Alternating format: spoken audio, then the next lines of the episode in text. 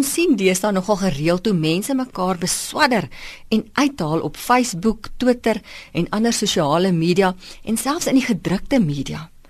En ek kom agter mense stuur baie maklik 'n boodskap aan wat vriende vir hulle gestuur het sonder om eers seker te maak, is dit ooit die waarheid wat ek nou hier versprei? En gaan dit nie dalk iemand se lewe verwoes nie? Ons as kinders van die Here moet versigtig wees om te oordeel en ons moet anders optree. Ons moet verantwoordelik optree. Jesus sê in Matteus 7 dat dieselfde liniaal waarmee ons meet, sal God ook op ons toepas. Ek lees graag vir jou Matteus 7 vanaf vers 1. Moenie oordeel nie sodat oor julle nie geoordeel word nie. Met dieselfde oordeel waarmee julle ander oordeel, sal oor julle geoordeel word en met dieselfde maat waarmee julle verander meet, sal vir julle gemeet word.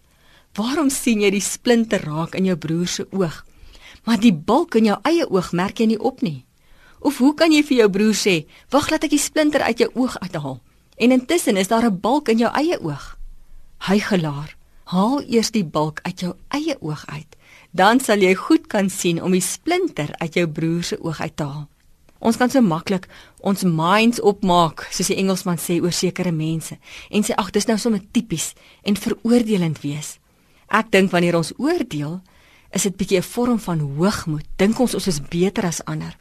Dit kan ook wees dat ons ander se foute bespreek sodat mense nie ons foute sal raak sien nie.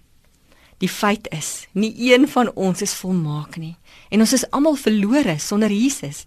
C.C. Morrison het gesê, die kerk is 'n vereniging van sondaars, die enigste vereniging ter wêreld waar lidmaatskap gebaseer word op die enkele feit dat die kandidaat nie sy lidmaatskap kan verdien nie.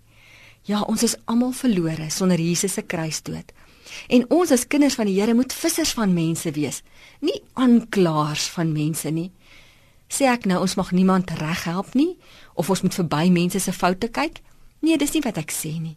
Maar kom ons haal eers die boomstomp uit ons eie oog uit. En wanneer ons iemand reghelp, kom ons doen dit in groot liefde. Die Griekse woord vir opbou is oikodomai. Dit kan ook met argitek vertaal word.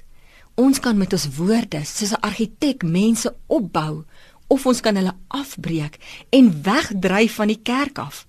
Soveel Christene sê hulle is uit die kerk uit omdat die kerk hulle veroordeel het of mense in die kerk hulle seer gemaak het.